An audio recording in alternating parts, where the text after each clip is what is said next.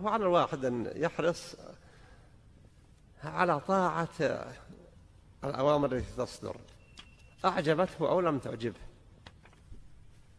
لأن الأوامر ما تكون في جميع أمورها تعجب من تتعلق به.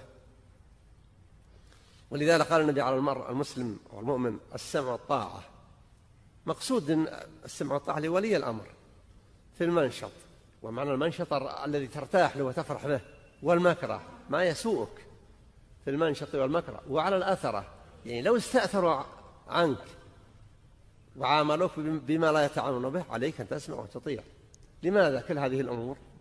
حتى تبقى الأمة مجتمعة.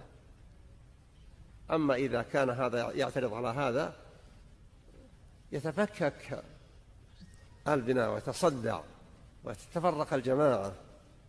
ويحصل فساد عريض وصلاح الأمة باجتماع أمرها.